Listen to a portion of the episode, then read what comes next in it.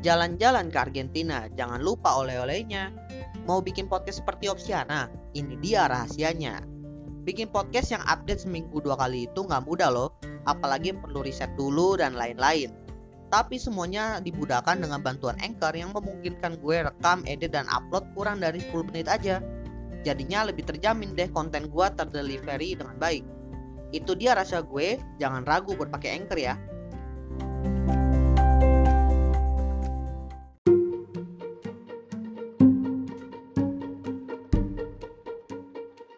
Selamat datang di Tutup 2022. Episode ini adalah bagian dari tantangan 30 hari bersuara 2022 yang diselenggarakan komunitas The Podcaster Indonesia. Selamat mendengarkan. Kehadiran mentor itu menurut gua penting, terlebih dalam pertumbuhan, karir, dan juga bisnis kita.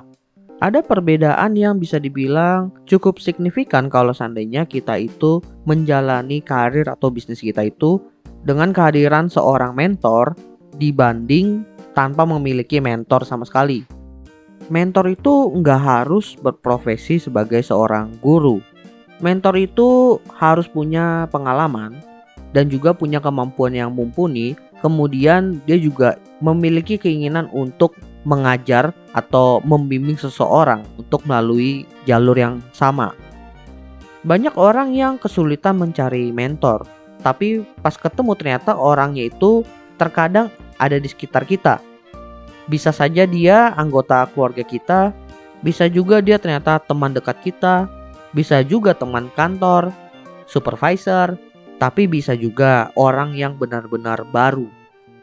Dan menariknya ya, untuk menjadi seorang mentor ini, itu nggak memandang usia.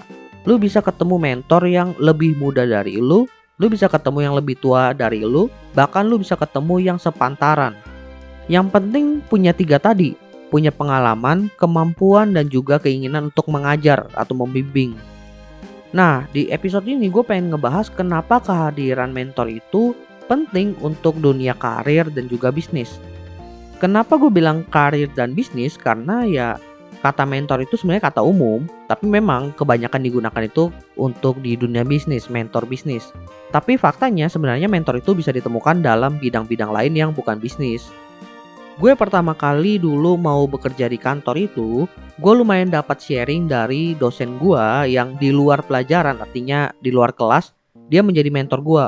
Sharing-sharing tentang bagaimana dunia kerja, bagaimana cara memilih perusahaan yang tepat terlebih kan gue saat itu mahasiswa IT kan. Dan bingung startnya itu baiknya di perusahaan yang seperti apa. Gue memilih dosen gue ini menjadi mentor gue bukan karena dia itu seorang dosen atau orang yang doyan ngajar. Tapi dia juga punya track record sebagai trainer yang mengajar di berbagai perusahaan sehingga dia mengetahui bagaimana culture perusahaan. Dan dari nasihat-nasihat dan juga saran-saran dia gue coba terapkan ke dalam dunia karir gue dan ternyata itu membuat gue lebih mudah dalam mengambil keputusan. Ada beberapa poin di sini tentang apa aja yang bisa lu dapatkan dengan memiliki seorang mentor. Yang pertama tentunya kita belajar sebuah keterampilan baru atau skill. Kalau kita bicara soal keterampilan dan juga skill ya, itu tentunya butuh jerih payah untuk bisa mendapatkan skill dan keterampilan tersebut. Karena skill itu adalah gabungan dari pengetahuan dan juga praktikal, di mana keduanya ini harus diasah terus-menerus. Tentunya mentor kita itu udah melalui fase ini, sehingga kalau ditanya secara teknis, bagaimana kita melakukan sesuatu itu step by step, dia bisa menjelaskan dengan baik. Karena terkadang untuk bisa mendapatkan sebuah skill, kita itu harus menguasai skill-skill yang lain terlebih dahulu. Dan untuk bisa mendapatkan skill-skill yang lain, itu kita harus belajar dari berbagai tempat. Tapi kalau kita punya mentor, tentunya mentor ini setidaknya sudah menguasai beberapa, sehingga dia itu bisa langsung mengajarkan kita skill-skill yang memang sudah dia kuasai.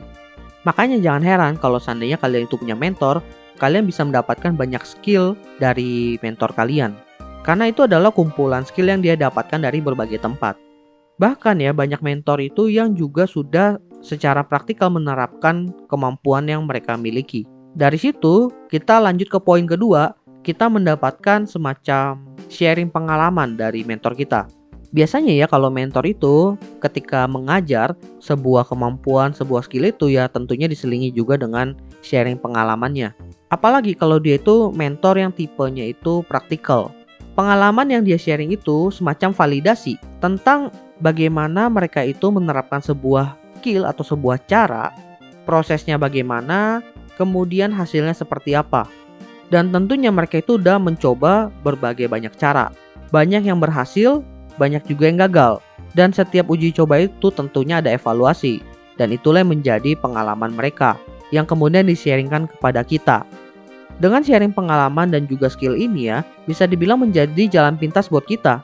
Karena keputusan-keputusan yang dalam tanda kutip salah dipilih oleh mentor kita itu dan menghasilkan kegagalan, itu sudah dilakukan oleh mentor kita dan diceritakan kepada kita sehingga kita tahu kalau kita pilih ini ada kemungkinan bisa gagal seperti yang dialami oleh mentor kita. Dan kalau kita mengambil keputusan yang sama dengan yang dilakukan oleh mentor kita, mentor kita itu bisa menjadi seorang pendamping karena dia udah pernah melalui jalan dari keputusan yang dia pilih itu.